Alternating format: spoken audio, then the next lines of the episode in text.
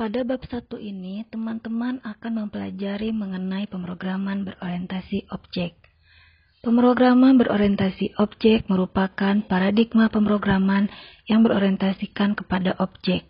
Semua data dan fungsi di dalam paradigma ini dibungkus dalam kelas-kelas atau objek-objek. Metodologi berorientasi objek merupakan suatu cara bagaimana sistem perangkat lunak dibangun melalui pendekatan objek secara sistematis. Metode ini banyak dipilih karena metodologi lama banyak menimbulkan masalah seperti adanya kesulitan pada saat mentransformasi hasil dari satu tahap pengembangan ke tahap berikutnya. Untuk dapat lebih memahami mengenai PBO, diilustrasikan manusia yang memiliki metode seperti jalan, makan, minum, bernyanyi, dan lain-lain. Sedangkan field seperti baju, rambut, kulit, dan lain-lain.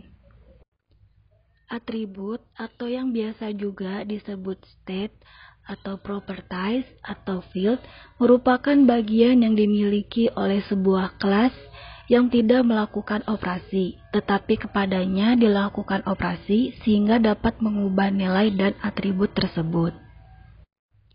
Sementara metode dalam PBO merupakan suatu operasi berupa fungsi-fungsi yang dapat dikerjakan oleh suatu objek.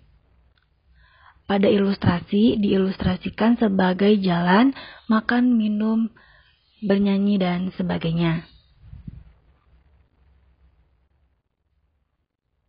Untuk dapat memahami pemrograman berorientasi objek, terdapat beberapa konsep yang teman-teman harus pahami, antara lain sebagai berikut.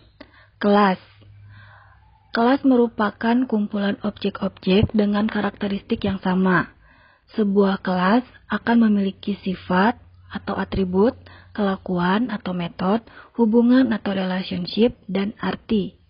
Secara teknis, Kelas adalah sebuah struktur tertentu dalam pembuatan perangkat lunak. Kemudian objek. Komponen dalam PBO yang digunakan untuk melakukan operasi, perintah perhitungan, dan segala aksi yang ingin dimasukkan ke dalam program PBO.